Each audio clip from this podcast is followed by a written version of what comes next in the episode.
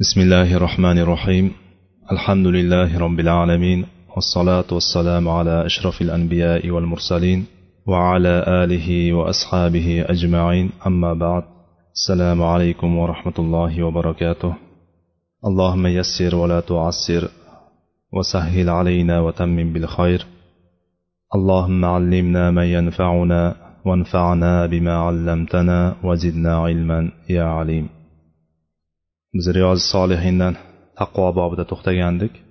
O'tgan darsimizda oxirida e, biroz bir xosroq masalalarga kirishgandik. Ya'ni o'tgan darsimizda bir eslatib o'tadigan bo'lsak ikkinchi hadisimizda ya'ni abu said al hudriy roziyallohu anhudan kelgan hadisdagi dunyoni shunaqa e, bir shirin lazzatli qilib qo'yilganligi va insonni o'ziga tortuvchi ekanligini zikr qilingandan keyin payg'ambarimiz sollallohu alayhi vasallam o'sha yerda dunyodan saqlaninglar va ayollardan ham uzoq turinglar o'sha ayollardan ham dunyodan ham taqvo qilinglar degan hadisda aytib turib o'sha masalada biroz ichkariga kirib ketgandik. Ichkariga kirganimizda ba'zi masalalarni yengil tarzda umumiy tarzda aytib o'tdik. O'sha mavzuni ya'ni ba'zi bir jihatlari tushunarsiz bo'lib qolmasligi jihatidan yana ba'zi bir narsalarni o'shanga qo'shimcha qilgandan keyin hadislarimiz kelgan joyidan davom etamiz inshaalloh. Ya'ni bu bani isroilda kelib chiqqan eng birinchi eng katta fitnalarni ham mana shu ayollarda bo'lganligini o'tgan darsimizda aytib o'tgandik.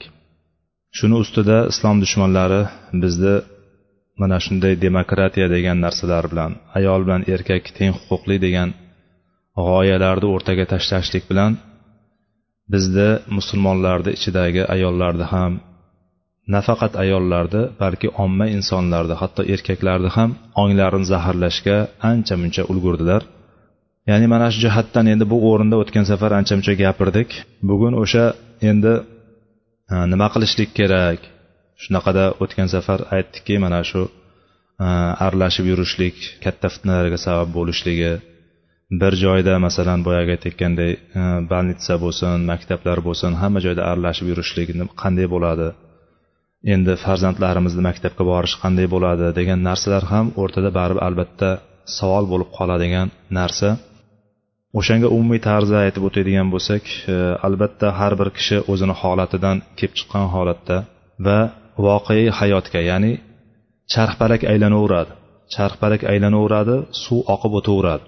Ya'ni bu suvni oqimiga qarshi suzib bo'lmaydi. Baribir oqizib ketadi. Ya'ni oqimga qarshi suzgan odam ma'lum bir joygacha suzib turishi mumkin. Suzganda ham juda sekin qimirlaydi oqimga qarshi suzganda. Endi o'sha suzish davomida borib borib kuchi ham qolmaydida oxirida suvga nima qilib ketadi g'arq bo'lib cho'kib ketadi. Shuning uchun bu suvni oqib ketayotgan suvda qanday turishlik kerak degan savoldek go'yoki bu hozirgi o'rtamiz olamizda turgan savol. Endi mana shu holatda inson e, bu holatdan har kim o'zi uchun xulosa chiqaradigan har kim o'zi uchun qaror beradigan bir holatki inson e, qizlarini yoki qizlarini xosatan qizlarni maktabga olib borishlik olib bormaslik masalasi katta bir masala hisoblanadi. Mana shu masalada endi agar olib bormaydigan bo'lsa kelajakda borib taqaladigan joyi e, hujjat masalasi maktabda o'qiganlik masalasi ertaga davom ishga davom etishlik masalalari oldinga qo'yiladi. Bir tarafdan qaraganda qizlarni aytishlik mumkinki yo'q ularga hech narsa kerak emas. Ular ertaga e, uyda o'tiradi eri boqib oladi kerak bo'lsa degan narsani aytishlik mumkin. Bu haqiqatda bir toifa insonlarimizni bir toifa birodarlarimizni gaplari shu. Aytadigan gaplari mana shu. Ikkinchi tarafdan bo'ladigan bo'lsa ikkinchi tarafni aytayotgan gaplari e, ertaga bular o'qimaydigan bo'lsa hammasini yig'ishtirib qo'yadigan bo'lsa ba'zi jihatlardan insonlarni mana shu ba'zi jihatlardan o'sha qizlarimizni ayollarimizni fikrlash doiralari tor bo'lib qolishligini misol qiladi. Fikrlash doiralari tor bo'lib qoladida va uydan tashqariga chiqmagan faqat shu uyda ko'rgan narsasi ham boyagi aytayotganday risoladagidek uy emas uylarimiz xonadonlarimiz buni o'zimiz ham tan olamiz. Risoladagi uy risoladagi axloq oilamizda yo'qligi sababli faqat o'sha yerda ko'rgan narsagina ko'radi boshqa narsa ololmaydi. Ya'ni atrof muhitga aralashish omma bilan biroz e, kirishish degan narsalar yo'qligi sababli fikrlash doirasi tor bo'lib qoladi degan narsani oldinga qo'yadi. Bir tarafdan ikkinchi tarafdan agar u o'qimaydigan bo'lsa qizlarimiz o'qimaydigan bo'lsa ertaga biron bir ishlarda o'qituvchilikmi yoki doktorlikmi yoki shunga o'xshagan xalqni ehtiyoji tushadigan narsalarni egallamaydigan bo'lsa ertaga o'zimizni boshimizga shu muammolar tushgan paytda kimga murojaat qilamiz degan savollar turadi o'rtada. Agar biz bir narsani kechib bir narsani qurbon qilib o'zimizni fido qilib turib o'sha fitna joylarda o'zimizni bir ushlagan holatda doimiy taqib qilgan holatda doimiy tergab turgan holatda qizlarimizni o'qitmasak ertaga o'shalarni masalan Э, doyalar qilib yetishtirmasak yoki bir akusher ginekolog qilib shunaqa holatlarda yetishtirmaydigan bo'lsak ertaga bizni holimiz kimga qoladi degan savol turadi o'rtada. Hozir ayollarimizni oladigan bo'lsak aksariyati nima? O'qimishli emas.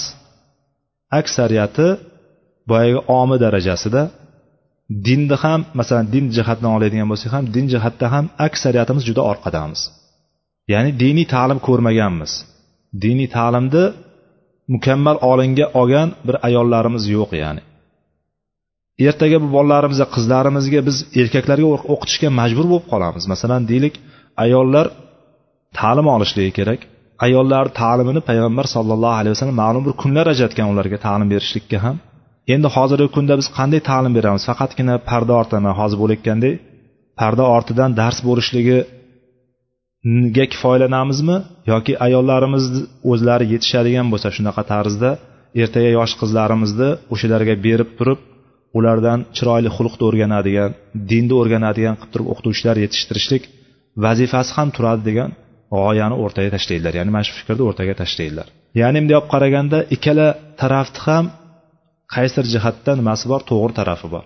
Mana shuning uchun mana bu holatlarda har kim o'zi uchun qaror qiladi lekin e, kelajakda men islom ummati uchun bir xizmat qilaman deydiganlar bo'ladigan bo'lsa mana shu fitna davrlarida ham nima qiladi? O'sha bolalarni o'qitishga va o'sha fitnalardan saqlab qolishlikka qaysi bir g'oyalarni singdirayotgan bo'lsa maktablarda o'sha g'oyalarga qarshi turishlikda va ularga doimiy tarzda ularni tergab borishlik bilan ularga ko'mak berib turib o'sha muhitdan yetishib chiqadi.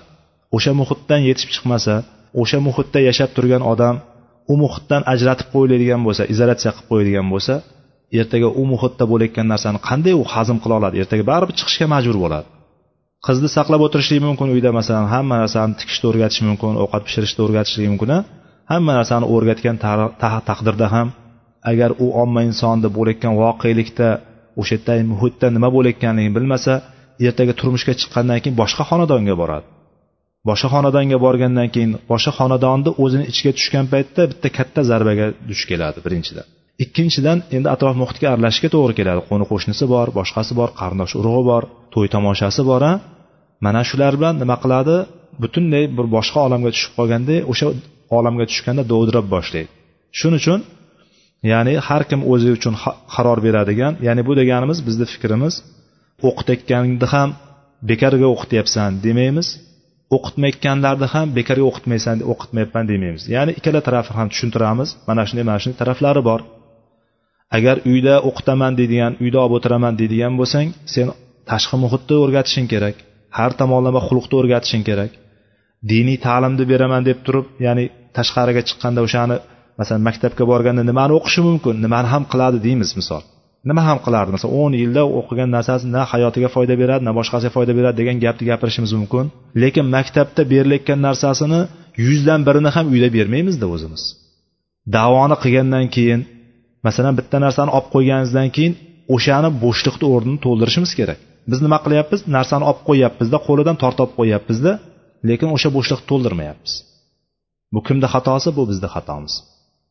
Biz bir narsani botil narsani olib tashlaganimizdan keyin o'rniga haqni qo'ymaydigan bo'lsak u bo'shliq qolaveradi. U bo'shliq albatta to'ladi boshqa narsa bilan to'ladi.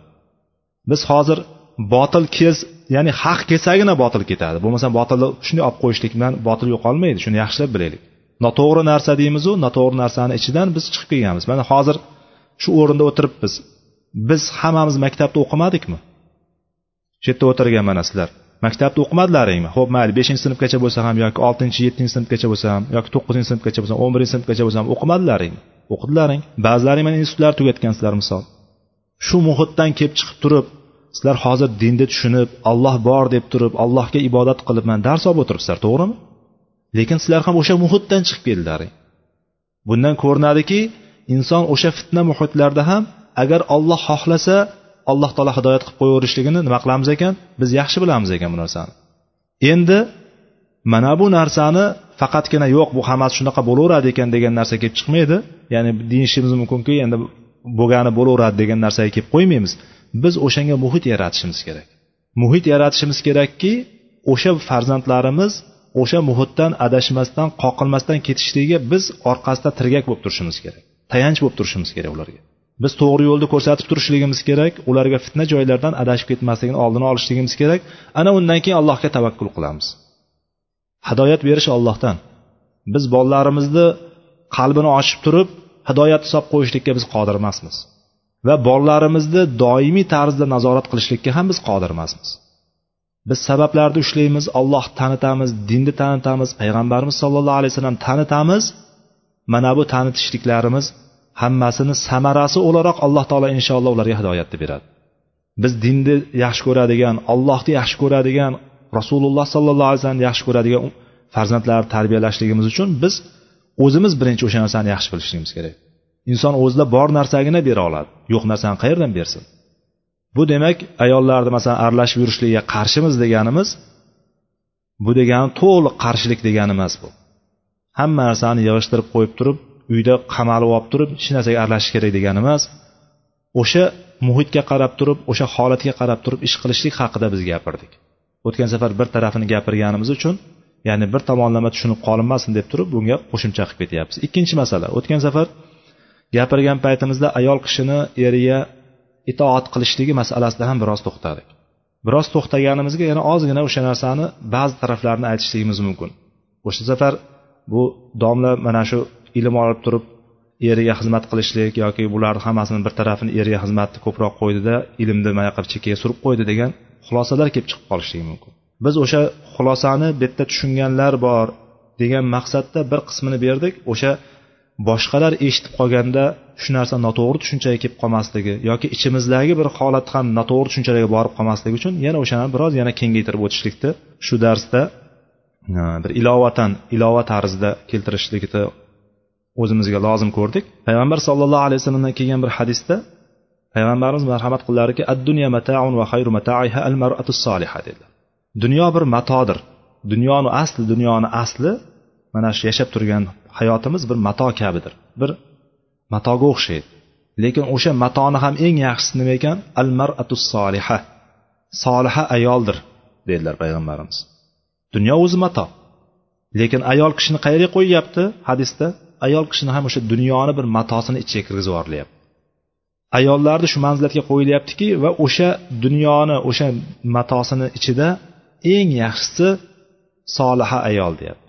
Soliha ayolni sifatlarini payg'ambarimiz hadis davomida zikr qildilar. Kim ekan u soliha ayol? Ida nadarta ilayha sarrotka yoki surrotka agar ayolga qaraydi agar unga qaraydigan bo'lsang seni bahri dilingni ochadi. Ya'ni ko'rganingda seni xursand qiladigan seni quvontiradigan. Shunday qaragan paytingizda ko'zingiz quvonadigan bo'lishligi kerak. Maratu solihani soliha ayolni birinchi sifat nima ekan? Eri unga qaragan paytda uni xursand qiladigan va ida amartaha atoatka agar unga bir narsani buyuradigan bo'lsang senga itoat qiladigan.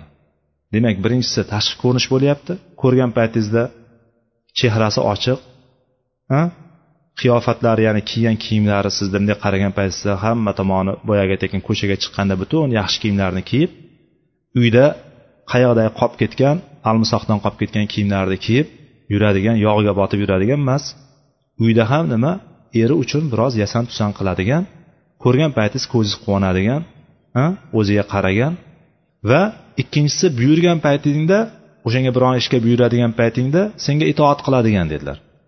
Soliha ayolni sifatlaridan nima kelyapti? Bu yerda bunday tasavvur bunday qaraydigan bo'lsang qani bu yerda bir ibodat yoki boshqa boshqa boshqa narsalar kelyaptimi?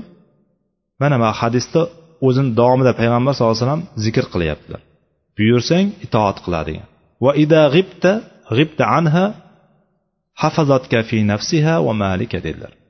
Agar sen yo'q payti yo'q payti bo'ladigan bo'lsang sen yo'qligingda o'zini nafsini himoya saqlaydigan o'zini or nomusini saqlaydigan va seni molingni saqlaydigandir dedilar. Mana shu to'rtta narsani zikr qiladi. Soliha ayol deganda nima tushunilyapti? Mana shu to'rtalasi tushunilyapti. Yuqoridagi o'tgan safargi darsimizda aytgan hadisimizda agar besh vaqt namozni o'qiydigan bo'lsa ro'zasini tutadigan bo'lsa zakotini e, ro'zasini tutadigan bo'lsa va erini rozi qiladigan bo'lsa degan joyidagi hadisga buni qo'shamiz endi. Demak inson bo'ynidagi ayol kishi o'zini bo'ynidagi farz ibodatlarni qilgandan keyin ha farz ibodatlarni qiladigan qilgandan keyin mana shu besh vaqt namozni o'qib turib ramazon ro'zasini tutib turib ha va boshqa rivoyatlarda va hasunat farjaha yoki hasanat farjaha va atoat ba'laha daholat min ayyi abvabin jannati sha'at degan ekan. Ya'ni agar u besh vaqt namozni o'qiydigan bo'lsa ramazon ro'zasini tutadigan bo'lsa va farjini saqlaydigan bo'lsa ya'ni farzand saqlashdan bu nomusini saqlab yuradigan bo'lsa va eriga itoat qiladigan bo'lsa jannatni xohlagan eshigidan kiradi deb keldi. Daholat kalimasini mana shu yerda moziy siyg'asida kelishligi o'tgan zamon fe'li holatida kelishligi buni mutlaqligiga kiradi deydi. Albatta kiradi degan narsasini keltiradi deydi. Demak soliha ayolni sifatlari ko'rganda ko'zni quvontiradigan buyurganda itoat qiladigan eri yo'qligi paytida o'ziniyu erini molini nima qiladigan? Himoya qiladigan muhofaza qiladigan ayol ekan. Boshqa bir hadisda termiziyni hasan rivoyat rivoyat qilgan hadislarda umma salama roziyallohu anhudan kelyapti. Dedilarki ayyu matat va zawjuha rodin anha dakholat janna. Daxolatil janna. Qaysi bir ayolki o'ladigan bo'lsayu shu o'likkan paytda shu o'lish davomida ya'ni hayoti davomida erini rozi qilib o'tib turib o'sha holatda o'laydigan bo'lsa eri undan rozi bo'lgan holatda o'ladigan bo'lsa jannatga kiradi dedilar. Bu yerda ham daholatil jannah deganda yadxu ya'ni tadxulil janna deb kelmayapti daholatil janna deb kelyapti. Ya'ni moziy siyg'asida kelyapti bu yerda o'tgan zamon fe'lida kelyapti ya'ni ayol kishi o'layotgan paytda erini rozi qilib o'ladigan bo'lsa albatta jannatga kiradi dedilar payg'ambar sallallohu alayhi vasallam. Endi boyagi masalani bunisiga kiramiz endi ho'p mana shunday ekan. Biz bilamiz endi boyagi huquqlarimizni yaxshi bilamiz aslida. Huquqlarimizni oshig'i bilan bilamizda huquqlarimizni bilishlikni biroz suiiste'mol ham qilib qo'yamiz ba'zi paytda. Suiiste'mol qilib qo'yishligimiz deganimiz biz erkaklar masalasida hozir to'xtatganimiz yo'q asosan ayollar masalasida to'xtayapmiz. Chunki erkaklar masalasini erkaklar bilan qilingan darslarda bafurja biz gaplashganmiz. Batafsil gaplashganmiz o'zini o'rinlarida. Va o'tgan darslarimizda ham bir o'rinda qisman aytib o'tgandik boyagi. Erni ayolini urishligidan so'ralmaydi degan hadisni ustida ham biroz to'xtalib o'tgandik. Endi hozir biz to'xtayotgan narsamiz asosan ayollarga tegishli bo'lyapti. Suiiste'mol qilishlik. O'zini haqqini suiiste'mol qilishlik. Ha ho'p mana shunaqa ekan mana shunga xizmat qilishlik mana shunaqa doiralarda bo'ladi ekan. Bunga xizmat qilinmaydi ekan u narsa qilinmaydi ekan u narsa buni haqqi emas ekan. Degan narsa bu vojib emas degan narsani keltirib chiqaryaptida misol. Vojib emas degan narsani keltirib chiqaryapti. Lekin vojib farz emas degan farz bo'lsa uni qilishlik qat'an mumkin degan agar o'shandan biron bir narsa kamayib qoladigan bo'lsa gunohkor bo'ladi degan. Masalan er-, erkakni ovqatini qilib berishligi yoki o'shani xizmatini qilib yurishligi ayol kishiga masalan farz emas deydi masalan. Farz emas uni bo'yniga tushgan katta farz emas. Lekin er o'shani talab qiladigan bo'lsa ayol kishiga vojibga aylanib qolishligi mumkin bu narsa. Er talab qiladigan bo'lsa. Er ayoldan talab qilyapti nima bilan? Urf bilan talab qilyapti. Ya'ni bizni urfimizda ayollarimiz nima? Erlariga xizmat qilishdi. Ovqatini pishirib berishlik kirini yuvib berishlik xizmatlarini qilishlik hammasi nima? Xuddi go'yoki odatdek o'tib ketadi. U dinni bilgani ham qiladi dinni bilmagani ham qiladi.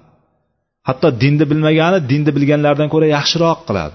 Sababi boyagi aytayotganimizdek suiiste'mol qilishlik kirib qolganligi uchun.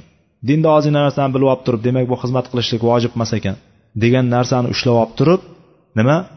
Kerak bo'lsa ba'zilar shartlar qo'yishligi mumkin. Men qilmayman degan narsani. Yo bo'lmasam tasavvur qiling bir kun men qilaman bir kun sen qilaman degan narsani er bilan kelishib oladigan bo'lsa bir kun ovqat siz qilasiz bir kun men qilaman desa nima degan gap? Ya'ni qaysi bir erkak qabul qila oladi bu narsani? Bir kun men kirib yuvaman bir kun siz kirib yuvasiz desa misol. Bu narsalar ya'ni biz o'sha narsani olayotgan paytimiz dinda o'rganayotgan narsamiz urfimizdagi narsa dinga qarshi kelmaydigan bo'lsa urfimiz urfligicha qolaveradi qilinaveradi o'sha narsa. Bu tarafi bor. Ikkinchidan bizda ayollarimiz o'sha narsani xizmatni qilib turib erni rozi qilishlik ya'ni erlarimiz bizni erkaklar o'shani qilayotgan narsasidan rozi bo'ladigan taraf ham o'sha uni xizmatidan ko'p xizmatidan bo'ladi. Uni xizmati yaxshi bo'lmasligi qilayotgan narsasini masalan ovqati doim tayyor bo'lmasligi yoki kiyim kechagi doim tayyor bo'lmasligi degan narsalar bor. Mana bu narsani orqasidan oilalar ajrashib ketyapti oilalar buzilib ketyapti. Именно shu narsani aynan shu narsani ustida bu boshqa narsada bo'lmayapti ajrashib ketish boshqa narsalar. Ko'pincha mana shu ayolni itoatkorsizligi bo'lyapti itoatsizligi bo'lyapti. Itoatsizlik deganda erga itoatsizlik er aytganini qilmaydi. Mana shu natijasida kelib chiqyapti. Demak bu narsani qilishlik bilan endi ayol kishi masalan ilmini ilm olishlikni yoki qur'on o'qishlik butunini yig'ishtirib qo'yishlik degan narsa kelib chiqmaydi bu narsadan. Ayol kishi unisini ham qilishlik kerak bunisini ham qilishlik kerak.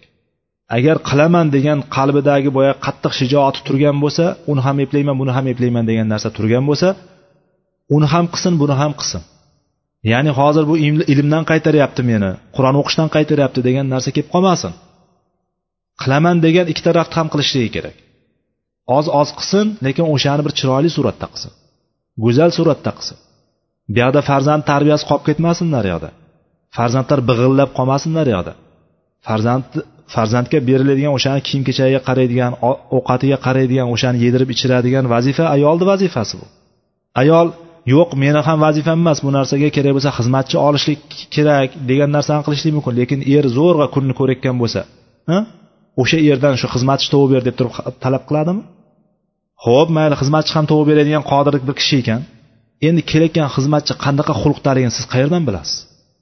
Unga kim kafolat beradi? Ya'ni o'sha kelayotgan xizmatchi bola o'sha yonidagi odamdan ta'sirlanadi o'shanda xulq o'rganadi. Gapidan yurish turishidan qilig'idan dinidan. Endi siz bittasini olib kelib turib uni xizmatini qildiryapsizda lekin u nima qilayotgani xizmatdan hech ishingiz yo'q. Bolalarga qarayaptimi tamom ish bitdi deyapsiz. Yo'q. Siz butun boyagi qiliqlariyu xulqlariyu hammasi bolaga singan. Bu tarafini o'ylamayapmiz biz. Endi ichimizda bunaqa boyagi aytayotgandek xizmatchi olib turib bolasiga qaratayotgan yo'qdir. Lekin mabodo bor bo'lib qoladigan bo'lgan taqdirda ham shu mabodo bor bo'lib qolgan taqdirda ham mana shu taraflarni e'tiborga olishlik kerak. Mana bu taraflarni e'tiborga olmaydigan bo'lsak biz bolalarimizni kimni qo'liga berib qo'yayotganligimizga qaramaydigan bo'lsak hatto biz ustoz tanlayotgan paytimizda ham u har qancha ilmli bo'lsin zo'r bo'lsin boshqa bo'lsin o'sha borib turib ustozga qizimizni yoki o'g'limizni borib topshirib kelayotgan paytimizda ustozni yaxshi bilishimiz kerak biz. Chunki ko'zini ochib ko'rgani o'sha bo'ladi. Qilayotgan qilig'iyu harakatiyu ibodatiyu e'tiqodi hammasi singadi bolaga. Agar u baxil bo'ladigan bo'lsa bolangizni baxil qilib tarbiyalaydi. Ha? Mumsik bo'ladigan bo'lsa. Yoki boyagi aytayotgandek ba'zi bir narsalarni ortiqcha bir tushunadigan ba'zi narsalar chuqur olib qattiq qilib yuboradigan bo'lib turib bolani sindirib qo'yishligi mumkin. Hali o'n yashar bolaga o'ttiz yosh odam zo'rg'a qiladigan ishlarni zo'rg'a qiladigan amallarni unga qilasan deb turib majburlashlik bilan dindan sovutib qo'yishlik mumkin. Bu narsalarni biz e'tiborga olyapmizmi yo'qmi? Bu narsani to'g'ri baholashlik bizni ishimiz biz ota onalarni ishimiz. Shunday ekan biz birinchi avvali farzandlarni ayollar farzandlar tarbiyasiga katta e'tibor berishlik kerak. Tarbiya berayotgan paytda boyagi bolalarni birinchi yedirib kiydirib bolada birinchi ehtiyoj nima? Badaniy ehtiyoji bor birinchi bolalar yeyishi bor ichishi bor kiyishi bor. Bu narsalar bo'lmasdan turib siz har qancha bir narsaga o'rgataman desangiz hech narsa o'rgana olmaydi. Birinchi bolani qorin to'ydirib qo'yasiz. Uyingizda borini bor qilib o'tirasiz. Yo'g'ini ko'rsatmay o'tirasiz. Sabrga o'rgatiladi. Biz sabr bobida yaxshi gaplashdik. Ancha narsani gaplashdik. Uyda bor narsani eri tug'ib kelgan narsani borini bor qilib o'tirishlik kerak ayol kishi. Borini yedirib o'tirishlik kerak. Borini ham yedirmasdan o'tirayotgan o'tirishlik bu ayol kishini va ayol kishiga or bu narsa. To'g'ri kelmaydigan narsa. Mana shuning uchun o'tgan safar aytgan narsamiz bu ilmni chekkaga surib qo'yishlik haqida gapirmadik biz. Yoki qur'onni chekkaga surib qo'yishlik haqida gapirmadik biz. Biz beshta boyagi aytayotgan o'zimizni asosiy bo'ynimizdagi katta farzlarni qilaylikda boyagi aytib turgan endi farzlikdan keyingi masalaga tushadigan mustahab ish bo'lsin. Qur'on yodlash mustahab ish yoki ilm olishlik boshqa olimlar boshqa kishilar borligi paytda farzlikdan tushadi farzi kifoya deb turadi. Tushadi farzlikdan. Har kim o'zini biladigan darajada ilmni aqidadan umumiy tarzdan biladigan narsa farzayn qolgan narsalari ilmni olishlik umumiy olganda mustahab amal. Endi o'sha amallar turgan paytda dedikki o'shani tanlash tartiblashda biz adashib qolmaylik dedim. Har kim o'rgangan narsasi mutlaqo o'rgatishligi farz degan narsa yo'q aslida. Bir kishi o'sha narsani mukammal o'rgangandan keyin o'rgatishligi unga farz bo'ladi. U hali o'zi chala biladida o'zi chala biladida yana o'sha narsani targ'ib qilishligi bilan chala narsani o'rgatishligi yoki shogirdlari savol bergan savollariga javob berolmaslik holatlari bo'ladi. Ya'ni inson tartiblayotgan paytda ishni tartiblagan paytda har doim o'sha narsani rioya qilishlik kerak. Birinchi o'zini muhim bo'lgan ishlarni birinchi oldinga qo'yishlik kerakda ularni joyiga keltirib maromiga keltirgandan keyin keyingi ishga o'tishlik kerak. Ya'ni biz kunlik ish tartibimizni kunlik hayotimizni tartibga olib borishligimiz kerak birinchi. Eng muhimlari nima? Eng muhimlari nima? Erkak kishi uyda o'tiradimi ko'chadan kirib keladimi? Uni taomlanadigan vaqti hammaniki ma'lum ya'ni. Kim peshinda taomlanadi kim kechqurun taomlanadi biladi. Bir kun yashamay kecha uylangan kecha oila qurgan bo'lsa bu boshqa gap endi. Endi besh yil o'n yillab yashab yurganlar biladi. Eriga mutlaqo o'sha paytda ovqat tayyor bo'lishligi kerak degan narsa turibdi. Endi bir tarafda boshqa bir o'zini o'qiydigan bir narsalar turibdi. Birinchi buni qilib qo'yadida keyin uni qiladi. Yoki farzandlari turibdi bu yoqda. Farzandlariga ta'lim berish o'rniga boshqalarga ta'lim berib tursa misol. Deylik a farzandlarimiz ta'limsiz qolib ketyapti deylik. Farzandlarimiz maktabga borib kelyapti boshqa qilyapti lekin diniy tushunchalari diniy tarbiyasi yoki kerak bo'lsa shu maktabdagi ta'limlarni ham kimdir yo'nalish berish kerak kimdir tushuntirish kerak kimdir uni ko'rsa tekshirish kerak kimdir o'rgatishlik kerak. Uni o'rgatmasdan turib bor naraqa bor bor otangdan so'ra. Yo bo'lmasa bor o'zing qil bilganingni qil deb turib tashlab qo'yishlik nima bo'ladi? Noto'g'ri bo'ladi bu narsa. Onalar o'sha bolalarni tarbiyasida eng muhim o'rinni egallagan kishilar. Salaflarimizni aksariyatiga qaraydigan bo'lsak salaflarimizni o'sha salaf deb olim ulamo deb turib yetilishligiga sabab bo'lganlarni aksariyati onalari bo'lishgan. Yaqinda bir ustozlarimizdan biri bilan gaplashgan paytimda o'g'lim qori bo'lgan deydi sakkiz yoshda o'g'lim qori bo'lgan deydi. Sakkiz yoshda mashaalloh alloh qori bo'lgan bo'lsa hozir o'n besh yoshda. Shuncha yildan beri unutib yubormaganmiz yo'q murojaat qilib turadi yaxshi qur'oni qur'oni yaxshi deyapti. Qaytarib turadi doimiy zo'r deyapti. Sakkiz yoshda juda qiynalgan bo'lsangiz kerak a degan savolga nima deb javob berdi? Men hech aralashmaganman qur'on yodlashga dedi. Onasi yodlatgan deyapti ko'ryapsizmi? Onasi shug'ullangan dedi. Va ba'zan ba'zan shu tog'asi ham bir tog'asini ham bir ta'siri bo'lgan dedi. Lekin kim shug'ullanyapti ekan? Onasi shug'ullanyapti ekan. Biz maytga o'tirg'izib qur'onni o'qitadigan bo'lsak hali qur'onni to'g'ri o'qiy olmaymiz ayollarimiz mana. Yo'q men hammalaringni bitta o'qiy olmaydi demoqchi emasman umumiy aytyapman men. Umumiy hozir bunday olib qaraydigan bo'lsak shunday qachondan beri ibodat qilib yurgan ibodatda mustahkam bo'lgan kerak bo'lsa to'rtta narsani o'rganib olib turib da'vat qilib turib birovlarga gap bermaydiganlarimiz ham bunday o'tirg'izib qur'onni o'qitadigan bo'lsak hijjalab zo'roq o'qiydi yoki shuni ham o'qiy olmaydigan holatdamiz. Ular qanday qilib turib bolalariga qur'on yodlatsin? Bolasi yodlaydigan bo'lsa qanday qilib xatosini ko'ra olsin ular demak birinchi o'rinda biz o'zimizni isloh qilishimiz kerak o'zimizni to'g'irlashimiz kerak o'zimiz o'sha narsani qilishligimiz kerak o'zimiz o'rganishligimiz kerak. O'rganayotgan paytimizda ham ishlarimizni tartibga qo'yishligimiz kerak. Mana bu o'tgan darsimizga ilova edi. Bugungi darsimiz inshaalloh bu hadis bu bobimizni uchinchi hadisiga keldik ya'ni taqvo bobidagi taqvo haqidagi bobimizda uchinchi hadisi. Kitobimiz bo'yicha yetmish ikkinchi hadis. بسم الله الرحمن الرحيم عن ابن مسعود رضي الله عنه أن النبي صلى الله عليه وسلم كان يقول اللهم إني أسألك الهدى والتقى والعفاف والغنى رواه مسلم ibn masud roziyallohu anhudan rivoyat qilindi bu hadis ibn masud roziyallohu anhuni juda yaxshi taniymiz abdulloh ibn masud qayerda ibn masud deb turib zikr qilinsa bilaylik har doim bu kishi kim abdulloh ibn masud roziyallohu anhu islomga avvalgilardan kirgan zaif musulmonlardan biri Bu haqda oldin gaplashganmiz shuning uchun umumiy tarzda aytib ketyapman. Payg'ambarimiz sollallohu alayhi vasallam shunday der edilar deb turib kana yaqul deb aytyapti shunday deyardilar ya'ni bu davomli suratda aytilganligiga ya'ni bir marta aytib qo'yib turib keyin tark qilinganligi emas kana yaqul deyishligi o'sha istimrorni bildiradi ya'ni davomatni bildiradi. Payg'ambarimiz sallallohu alayhi vasallam shunday der edilar allohimma inni asalukal huda allohim sendan hidoyat so'rayman va taqvo so'rayman va iffat so'rayman va g'ina g'ina degani ya'ni e, boylik degani asli.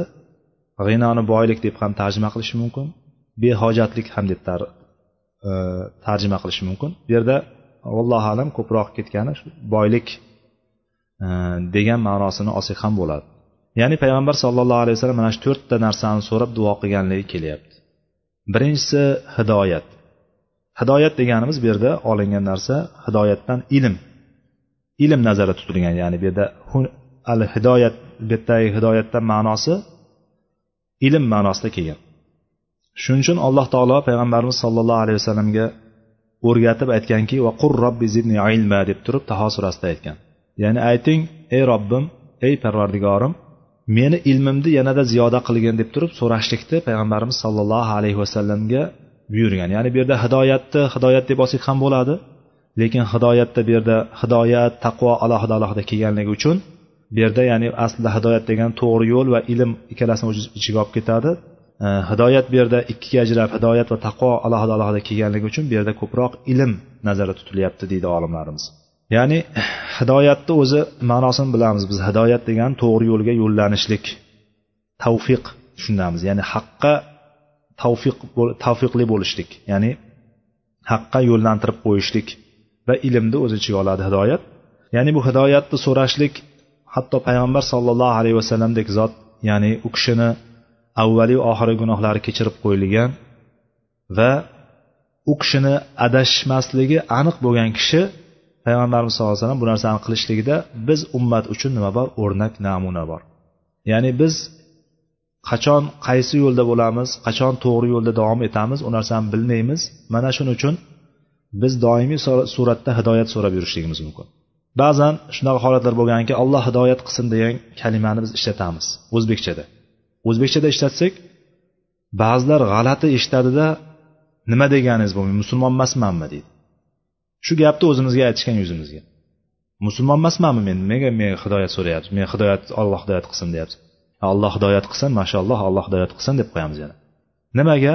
Alloh hidoyat qilsin keyin biz dalillaymiz bu narsani alloh hidoyat qilsin degani e, bu albatta kofir bo'lsa musulmon bo'lishligi degani emas bu narsa.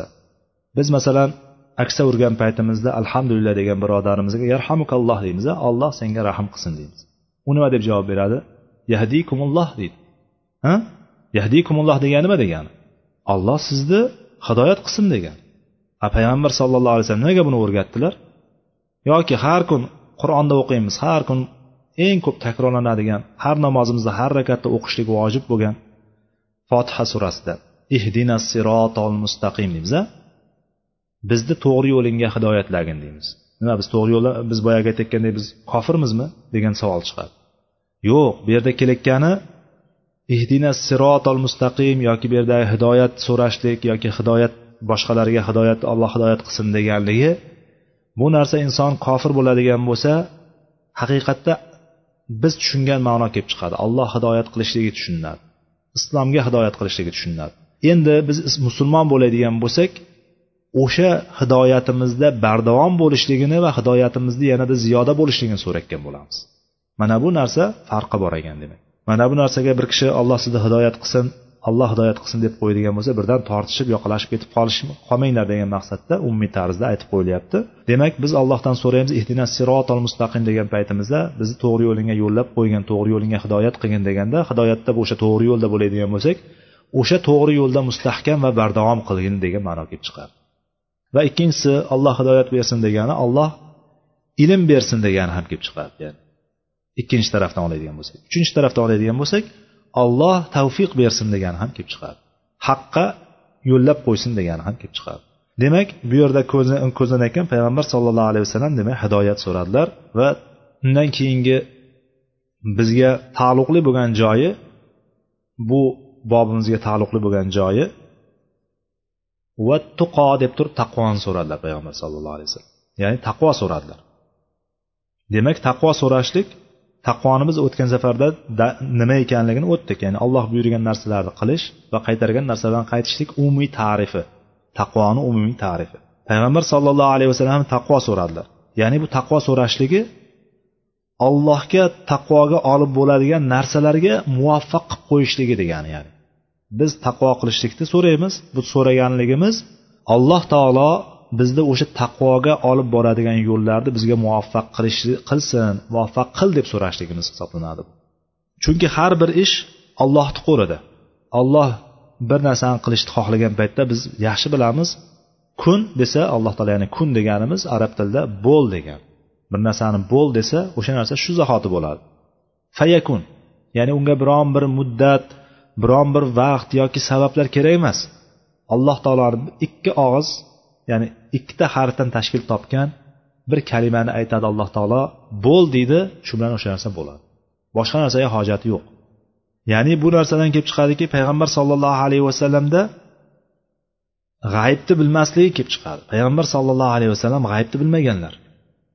Payg'ambar sollallohu alayhi vasallam aytganlarki qulla aqulu lakum indi xozainulloh la a'lamul g'oyba va la lakum inni malak deganlar ya'ni oyatda kelyapti payg'ambar sallallohu alayhi vasallam tilidan alloh taolo so'zlayapti ayting ey muhammad sizlarga deyaptiki o'sha odamlarga qarab turib payg'ambarimiz aytyaptilarki mening huzurimda allohning hazilar allohning butun xazinalari ya'ni butun boyliklari yer konlariyu oltin kumushlaru menda bor demayman.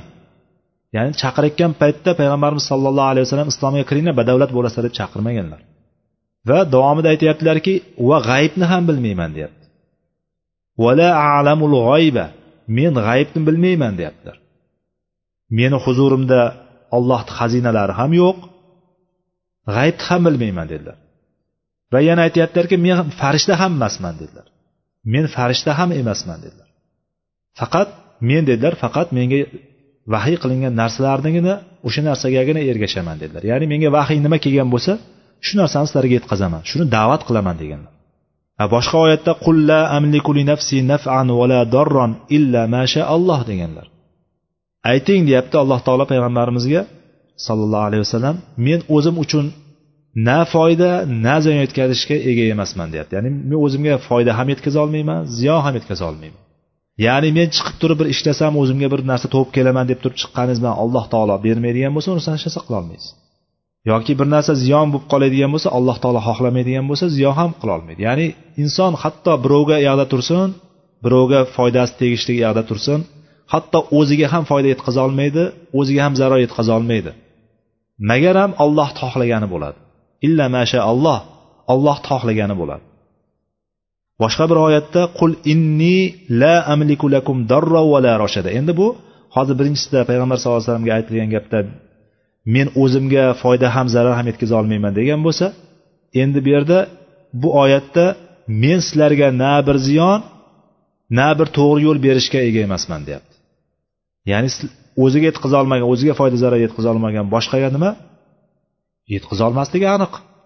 O'ziga foyda zarar yetkaza olmagan odam boshqaga foyda zarar yetkaza olmasligi aniq magaram alloh taolo to'g'ri yo'lga boshlab qo'yadigan bo'lsa alloh taolo unga ko'rsatadigan bo'lsa o'sha narsaga muvaffaq qiladigan bo'lsa ana o'shandagina nima bo'ladi? Foydasi tegadi.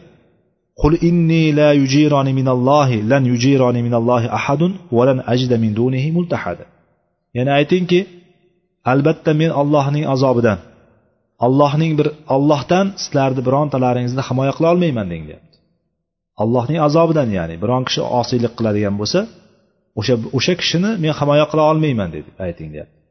Va men u zotdan ya'ni ollohdan boshqa bironta panoh ham topolmayman deb ayting deyapti.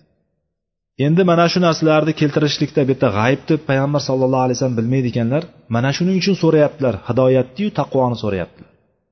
Ollohdan so'rayaptilar. Endi boyagi avliyolardan so'rayotganlarni holati nima bo'ladi? Endi payg'ambar sollallohu alayhi vasallamki butun insoniyat bashariyatni sayyidi bo'lgan payg'ambarlarni oxirgisi bo'lgan taqvodorlarni imomi bo'lgan payg'ambarimiz muhammad sollallohu alayhi vasallam ki g'aybni bilmaydi ekan mana oyatlar dalolat qilib turibdi o'zlarini so'zlari bunga dalolat qilib turibdi. Endi borib turib nurotami deyey zangatami deyey kim bo'lishidan qat'iy nazar borib turib o'sha qabrlarda yotgan solih kishilar bo'ladimi? Yoki borib turib daraxtlar bo'ladimi? Yoki quduqlar bo'ladimi? Buloqlar bo'ladimi o'sha yerga borib turib so'rashlik? Bu birinchi o'rinda johillik bo'lsa qilinayotgan amal shirk bo'ladi. Chunki u o'ziga ham foyda yetkazolmay turibdi. Agar u hali hayotlik paytidagi payg'ambar sallallohu alayhi vasallam men sizlarga foyda zarar yetkazolmayman deb turgan bo'lsalar endi payg'ambarimiz sallallohu alayhi vasallam vafot etganlaridan keyin qanday qilib turib yetkazsin birovga foyda zarar va duoni davomida afaf ya'ni bu yerda iffat. Iffatni ikki xil ma'nosini olishlik mumkin. Iffat deganda o'zini or nomusini saqlashlik. Yana bir boshqa ma'nosi iffatni ya'ni insonni boshqalardan so'ramaslik.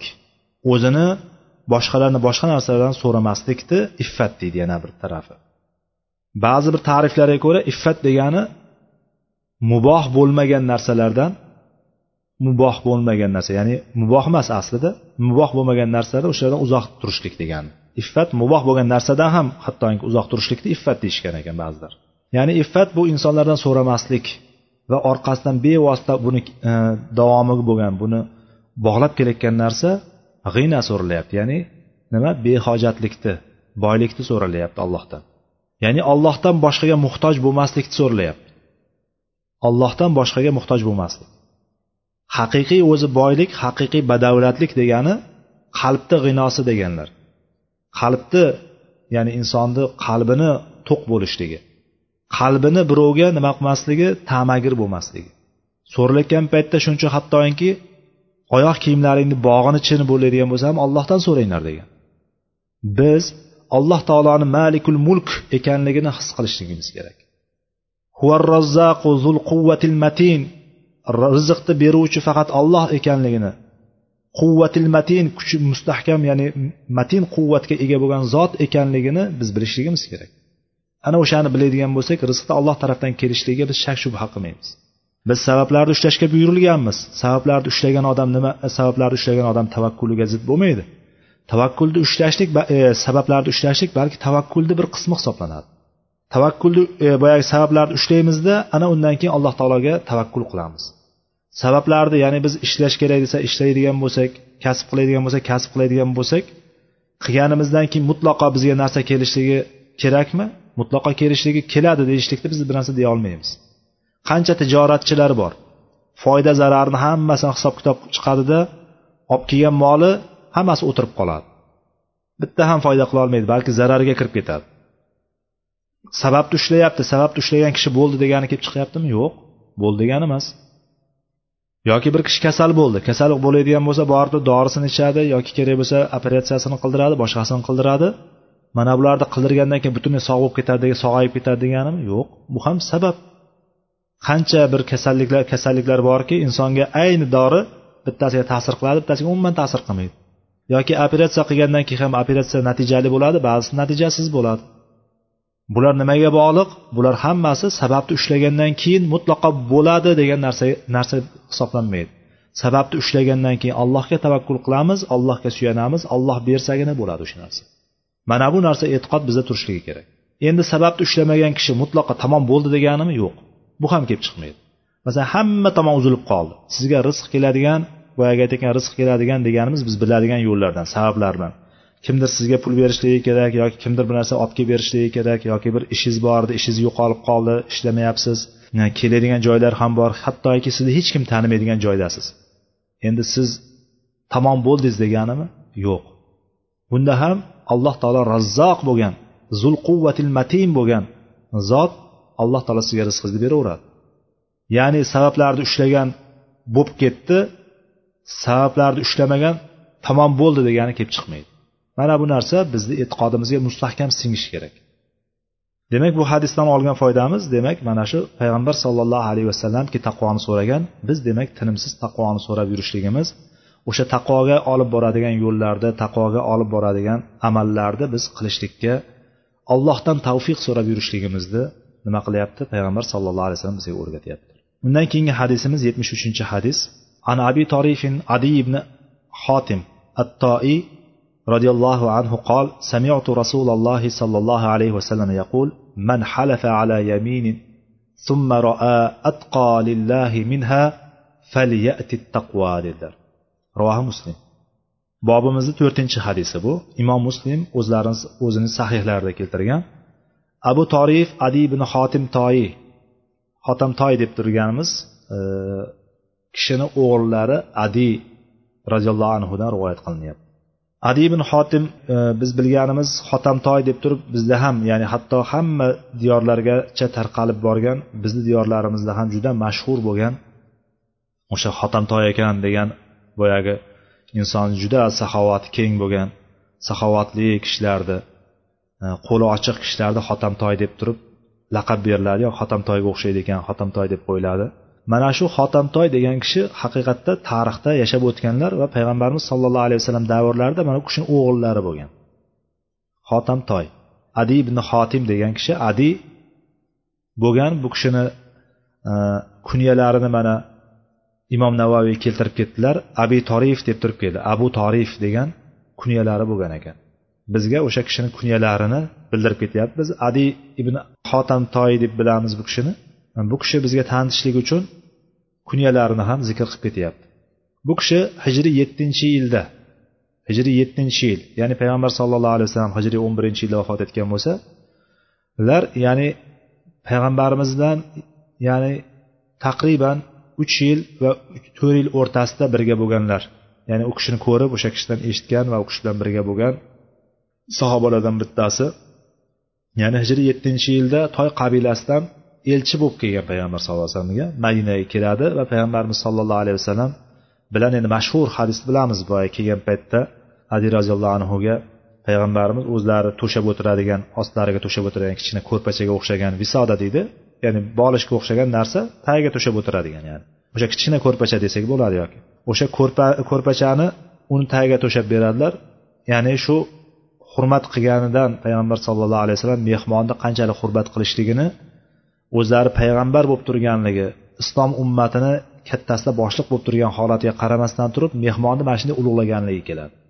Ya'ni payg'ambarimizda bizga katta katta o'rnaklar bor. Shunday qilib turib o'shanga o'tirg'izadi u ham o'tirmasdan turib ikkalasini o'rtasida qolib ketadi ya'ni. Boyagi aytayotgandek e, shunaqa qalbida mana shunaqa ulug'lik bo'lganligi sababli siz o'tiring siz o'tiring qilib turib oxiri u ham yerga o'tiradi ikkalasi ham o'sha o'rinda payg'ambar sallallohu alayhi vasallamdan o'rganib turib o'sha yerda islomni qabul qiladi islomi juda go'zal bo'ladi bu kishi. Va adi roziyallohu anhuni ham xuddi otasiga o'xshagan boyagi saxovati kengligi manoqiblarda keladi ko'p manoqiblarda o'sha saxovati keng bo'lganligi. Hatto nafaqat adi roziyallohu anhuni qabilasi ham ya'ni adi roziyallohu anhuni qabilasi ham mana shu samimiy bo'lganligi va kuch quvvatda kuchli bo'lganligi va saxovat bilan tanilgan qabila bo'lgan. Hatto payg'ambar sallallohu alayhi vasallam vafot etganlaridan keyin biz bilamiz arablar ko'pchiligi murtad bo'lib ketib qoldi. Arab qabilalarini ko'pchiligi dindan qaytib murtad bo'lib ketib qoldi. O'sha murtad bo'lib ketib qolganligini ba'zilari ochiqcha murtad bo'lib ketgan bo'lsa ba'zilari zakotni man qilishlik bilan payg'ambarimiz davrida berib turgan zakotlarni bermaslik bilan murtad bo'ldi ular.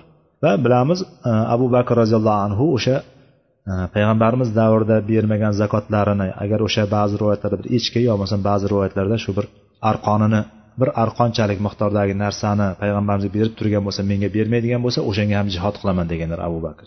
Ya'ni o'shandaqa holatda ham adi roziyallohu anhuni qabilasi islomda mustahkam turadi. Ya'ni bular murtad bulardan hech qaysi hech kimsa murtad bo'lmaydi mustahkam turadi va adi roziyallohu anhuni o'zi abu bakr roziyallohu anhuga zakotlarni olib kelib turib ikki qo'l bilan ikki qo'l ikki qo'llab topshiradi ya'ni.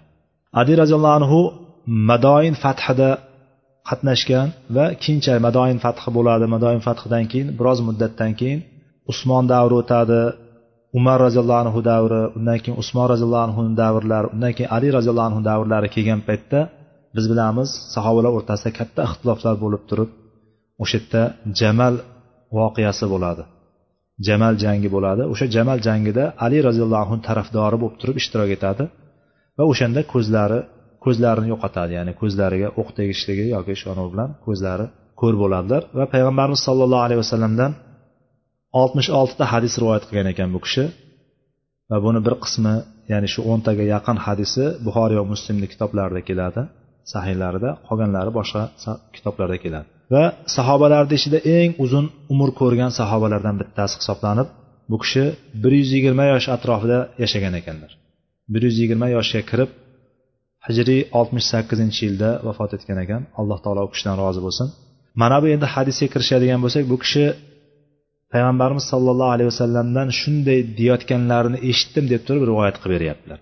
Kim bir qasamni ichadigan bo'lsa bir narsa ustida qasam ichadigan bo'lsa ya'ni bir narsani qilaman yoki qilmayman deb turib qasam ichadigan bo'lsa so'ngra o'sha narsadan ko'ra ya'ni qasam ichgan narsasidan ko'ra alloh taologa taqvoliroq bo'lgan bir narsani ko'radigan bo'lsa ya'ni bir ish chiqib qoladigan o'sha ya'ni oldin ko'rmaganda o'sha ish paydo bo'lib qoldi yo bo'lmasam o'rtaga chiqdi o'sha ish o'shani ko'radigan bo'lsa falyati taqvo dedilar. Ya'ni o'sha taqvolisini qilsin dedilar. O'sha taqvoni olsin dedilar. Taqvoni olsin degani o'sha taqvoli bo'lgan ishni qilsin deb turib marhamat qildilar. Ya'ni bu hadisdan ko'rib turibmizki e, demak qasam ichishlik haqida. Qasam ichishlik e, bizda bizdagi ya'ni qasam ichishlikni ko'rinishlari masalan o'zbek tilida allohga qasam deb aytishlik mumkin. Yoki shu narsa uchun qasam ichaman deyishlik bor.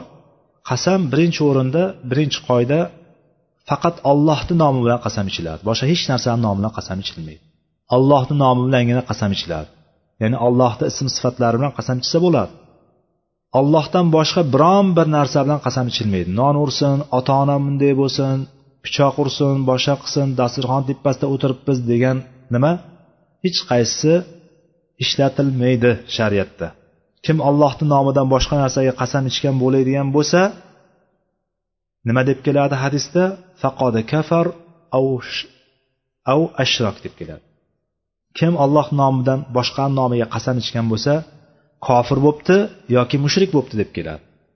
Ya'ni bu dindan chiqarib yubormaydi alloh nomidan qasam ichishlik lekin o'sha kichik shirk hisoblanadi bu kufr hisoblanadi kufrni bir bo'lagi hisoblanadi. Shuning uchun olloh nomi bilan olloh nomidan boshqa bilan qasam ichilmaydi. Payg'ambar sallallohu alayhi vasallamdan kelgan hadisda man kana halifan falyahlif billah aw liyasmut deganlar. Bu hadisni buxoriy va muslim rivoyat qilgan. Kim qasam ichmoqchi bo'ladigan bo'lsa ollohni nomi bilan qasam ichsin bo'lmasam jim bo'lsin dedilar. Ya'ni qasam ichmasin dedilar. Shuning uchun qasam ichayotgan paytda agar mabodo o'zi qasam har narsaga ichilavermaydi qasam ichishlik qasam talab qilingan o'rinlarda yoki eng oxirgi o'rinda qasam ichiladi qasam o'yin bo'lishligi kerak emas ba'zilarni og'zida odat bo'lib qolgandek vallohi deb turib har bir gapida vallohi deb gapirishlik. Vallohi degani allohga qasam degani tallohi degani ham allohga qasam degani billahi degani ham allohga qasam degani. Mana shu uchta vallohi tallohi billahi bilan qasam ichiladi arablarda. Va bu narsalarda ba'zi bir musulmon davlatlarida shu narsalar odat bo'lib qolgan. Hatto qasam gapirayotgan paytda vallohi billahi tallohi deb turib hammasini qo'shib turib qasam ichadi. Bu narsa xato ya'ni bitta gapini har bir gapiga bitta qasam ichib gapirishligi yoki bo'lgan bo'lmagan hali ish aniq bo'lgan bo'lmagan ishga ham qasam ichib gapirishligi xato narsa. Demak qasam ichadigan bo'lsak birinchisi alloh nomi bilan qasam ichamiz ekan. Boshqa biron narsani nomi bilan qasam ichmaymiz. Undan keyin qasamni har narsaga ichilavermaydi ekan. Ana endi qasam ichgan bo'ladigan bo'lsa qasam ichib qo'yadigan bo'lsa agar o'sha qasam ichgasi bittasi bilan gaplashmayman deb qo'ydi gaplashmayman deb qo'ydi keyin bildiki musulmon kishi musulmon bilan nima uch kundan ortiq gaplashmasdan orasini uzib yurishlik mumkin emas ekan. O'sha narsani o'rgangandan keyin bilgandan keyin qasamini buzadi qasamini buzadida qasamini buzishligi ya'ni gaplashishlikka boradi. Bu taqvo yo'liga qaytishligi bo'ladi. Yaxshi yo'lga qaytishligi bo'ladi. Yoki qarindosh urug' bilan orasini uzib yuborgan keyin bildi qarindosh urug' bilan orasini bog'lash kerak ekan uzish mumkin emas ekan degan narsani keyin o'rgangan bo'lsa qarindosh urug'ini o'rtasini bog'laydida qasamini buzadi. Endi oxirgi masalamiz qasamni buzganda nima bo'ladi? Qasamni buzadigan bo'lsa qasamni kafforatini beradi. Qasam uchun kafforat to'laydi. Qasamni kafforati o'nta miskin kishini taomlantirishlik. Agar yoki o'nta miskin taomlantirish bo'lmaydigan bo'lsa o'nta miskinni kiyintirishlik. Ya'ni avratini to'sadigan darajadagi kiyimlar bilan kiyintirishlik. Ana endi mana shu narsaga qodir bo'lmaydigan kishi yoki bitta qulni ozod qilishlik ham keladi. Agar bunga qodir bo'lmagan kishi bo'ladigan bo'lsa qasamini buzgandan keyin qasamni bekardan bekarga buzmayapti. Qasamni buzayotganda undan yaxshisiga o'tishlik uchun buzyapti. Qasam ichib orqasidan buzaverishlik degani emas. Qasamni ichadida endi o'shani qarshisida undan yaxshiroq bir amal turgan bo'lsa qasamini buzadida yaxshi amalni qiladi va qasamini kaforatini bergan paytda miskinlarni o'nta miskin taomlantiradi yoki o'nta miskinni kiyintiradi yoki bunga qodir bo'lmagan kishi nima qiladi? Uch kun ro'za tutib beradi. Mana shu qasamni kafforati ekan. Demak bu yerda hozir olayotgan foydamiz qilgan ishni taqvolisi bo'lganda hattoki qasam ham buzilishligi aslida qasamga biz nima qilishimiz kerak? Qasamni ustidan chiqishimiz kerak. Qasam ichgandan keyin qasamni rioya qilishligimiz kerak aslida. Qoida shu. Endi bu qoidadan tushiradigan qoidani buzishlikka qasamni buzishlikka olib keladigan narsa taqvoliroq narsa bo'ladigan bo'lsa taqvoga olib boradigan narsa bo'ladigan bo'lsa qasamni buzib kafforatini berasizda taqvoli narsani qilasiz undan keyingi hadisimiz hadisimizni e, bu bobimizni beshinchi hadisi shu bilan bu bobimiz ham tugaydi ekan yetmish to'rtinchi hadis an abi umomata sudayya ibn ajlan al bahiriy roziyallohu anhudan rivoyat qilinyapti سمعت رسول الله صلى الله عليه وسلم يخطب في حجة الوداع فقال اتقوا الله وصلوا خمسكم وصوموا شهركم وأدوا زكاة أموالكم وأطيعوا أمراءكم تدخلوا جنة ربكم رواه الترمذي حديث حسن صحيح imom termiziy rivoyat qilgan ekan bu hadisni hadisimiz hasan sahih hadis ekan abu umoma suday ibn ajlan al bohiriy rivoyat qilyapti bizga bu kishini kunyasi abu umoma deb tanilgan ism bilan ko'p tanilmagan bu kishi asosan mana shu abu umoma degan kunyasi bilan tanilgan sahobalardan bittasi Bu kishi rivoyat qilib aytyaptiki payg'ambar sollallohu alayhi vasallamni shunday deganini eshitdim. Qachon? Hajjatul vadoda. Ya'ni vidolashuv hajjida xutba qilayotganda xutba asnosida mana shunday deyayotganlarini eshitdim dedilar. Payg'ambarimiz sollallohu alayhi vasallam bir marta haj qilganlar o'sha hajni vidolashuv hajji deb ataladi. Vidolashuv hajjidan keyin payg'ambarimiz ko'p yashamaganlar. Ya'ni ikkinchi undan keyingi hajga borishlik nasib qilmagan payg'ambar sallallohu alayhi vasallamga. O'shanda o'n mingdan ortiq o'n ming deyman yuz mingga yaqin sahobalar ishtirok etgan o'shanda. Yuz mingga yaqin kishi hajda ishtirok etgan va o'shanda payg'ambar sallallohu alayhi vasallam xutba qilganlar. Mana bu xutbada o'sha xutbani bir qismi endi. Bu bobga tegishli bo'lgan qismini muallif rohimaulloh keltiryapti. Chunki xutbani bilamiz biz ancha boyagi e, vidolashuv xutbasida ko'p narsalarni ko'p mavzularda haqida gapirganligini har xil boblarda keltiriladi. Ya'ni bu degani narigi boblar boshqa boblarda kelib qolsa bir joylarda hadislar kelib qoladigan bo'lsa demak bu sahoba noto'g'ri aytgan ekan degan narsa kelib qolmasin. Ya'ni bu aytgan narsani bir qismini aytyapti. Shu bobga tegishli bo'lgan qismi keltirilyapti. Vido hajjini keng hammasini bir joyga jamlaydigan bo'lsak bitta xutba chiqadi aslida. Va o'sha yerda bir necha o'rinlarda xutba qilganlar payg'ambar sallallohu alayhi vasallam keyin ya'ni bir necha o'rinlarda xutba qilinganligi hisobida arafatda xutba qilganlar nahr kuni xutba qilganlar. Ya'ni bittasi uni rivoyat qilgan bo'lsa bittasi buni rivoyat qilgan. Shunga o'xshagan narsalarni biz o'rtasini bog'lashligimiz kerak bo'ladi. Bu yerda payg'ambarimiz sollallohu alayhi vasallam aytdilarki ittaqulloh birinchi chaqirgan narsalari xutbalarida allohga taqvo qilinglar dedilar.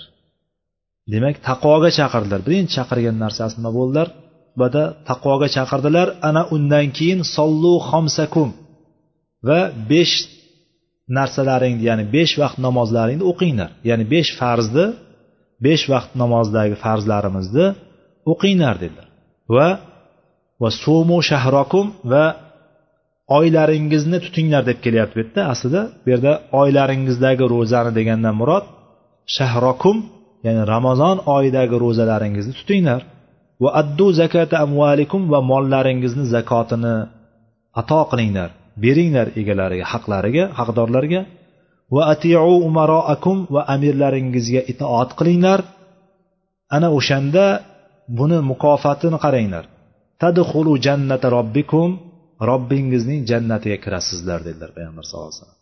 Ya'ni bu yerda xuddi go'yoki mana shu mana shu mana shu mana shularni qilsalaringiz robbingizni jannatiga kirasizlar degan ma'no kelib chiqyapti bu yerda. Bu yerda chaqirilgan narsani avvali nima bo'ldi? Namozdan ham avval taqvoga chaqirdilar payg'ambar sallallohu alayhi vasallam. Undan keyin biz bilganimiz mana shu beshta farzni ichida birinchi o'rinda namozga shu besh vaqt namozga undan keyin ro'zaga undan keyin zakotga buyurdilar. Va bundan keyin aytgan narsalari atiu umaroakum va amirlaringizga itoat qilinglar dedilar. Itoat qilishlik bilamiz biz ma'rufda bo'ladi. Ya'ni amirlarga itoat qilishlik ma'rufda bo'ladi. Ma'ruf deganimiz ya'ni alloh taoloni shariatida dinimizda qaytarilgan narsa bo'lmaydigan bo'lsa o'sha narsaga buyurilgan bo'lsa o'shanda itoat qilinadi. Ya'ni dinimizda yo'q narsani bu amirga itoat qilishlik vojib ekan degan narsa bilan qilishlik mumkin emas qilinmaydi. Qo'rqib ham qilishlik kerak emas. Ya'ni ba'zisini masalan hozirgi kundagi holatlar atrofda hamma tomonda maydonlarda janglar bo'lib yotibdi deylik hamma tomonda janglar maydonlar bo'lib turgan maydonda bo'lib tursa amirlar noshariy narsaga buyurgan paytda yosh bolalarni o'ldirish yoki xotinlarni o'ldirish deganga o'xshagan narsalarni hali balog'at ketmagan bolalarni o'ldirish degan narsalarni targ'ib qilayotgan bo'lsa o'sha narsaga buyurayotgan bo'lsa u narsaga itoat qilinmaydi. Bu narsani yaxshi bilishlik kerak. Amirlarga itoat qilishlik ma'rufda bo'ladi. Faqat ma'rufda ya'ni allohga osiy bo'ladigan o'rinda itoat hech kimga yo'q. U kim bo'lishidan qat'iy nazar. Shuning uchun oyatda aytdiki alloh taolo ya ayyuhallazina amanu atiulloh va atiur rasul va ulil amri minkum. Oyatda niso surasini ellik to'qqizinchi oyatida ey mo'minlar allohga itoat qilinglar va rasul va rasulga ya'ni payg'ambar sallallohu alayhi vasallamga itoat qilinglar va o'zlaringizdan bo'lgan ish boshliqlariga itoat qilinglar dedi alloh taolo. Ya'ni bu yerdagi kalimalarni bir tahqiq chiqadigan kalimalarga bir nazar soladigan bo'lsak alloh taolo atiulloha deganda atiu itoat qilinglar degan fe'lni ishlatdi. Allohga itoat qilinglar va atiur rasul va rasulullohga itoat qilinglar deganda fe'lni ishlatdi. Undan keyinda o'zlaringdan bo'lgan ish boshliqlariga degan paytda fe'lni ishlatmadi va ulil amri minkum deya qoldi. Ya'ni faqat shuni o'zini aytib qo'ydi. Ya'ni bu yerda atiu fe'li kelmaganligidan mana shuni o'zidan kelib chiqadiki amirlarga itoat qilishlik mutloq emas. Ularni chegaralangan joyi ularni belgilangan o'rni ma'rufdagina itoat qilinadi ularga. Payg'ambarga itoat qilishlik bo'lsa allohga itoat qilishlik hisoblanadi. Chunki payg'ambar sollallohu alayhi vasallam o'zini havosiga da'vat qilmaganlar o'zini havosidan gapirmaganlar. Faqat u kishini gapirgan gaplari buyurgan buyruqlari allohni vahiysiga to'g'ri kelib turgan. Degan oyat ham shunga dalolat qiladi. Demak mana bu o'rinlarda biz bu narsalarni yaxshi tushunib olishligimiz kerak yaxshi bilib oladigan narsamiz nima ekan?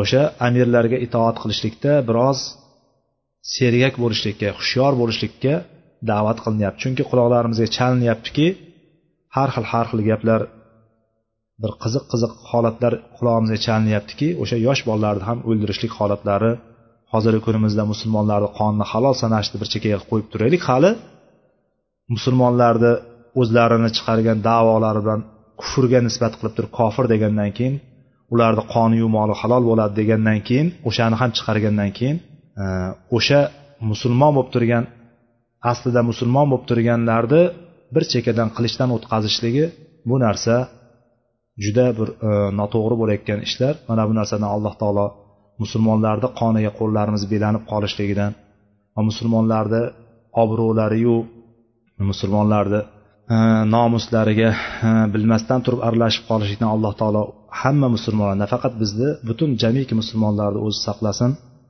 mana bu darslarimizni davomli qilib olayotgan ilmlarimizni manfaatli qilsin سبحانك اللهم وبحمدك أشهد أن لا إله إلا أنت أستغفرك وأتوب إليك وآخر دعوانا أن الحمد لله رب العالمين والله تعالى أعلم والسلام عليكم ورحمة الله وبركاته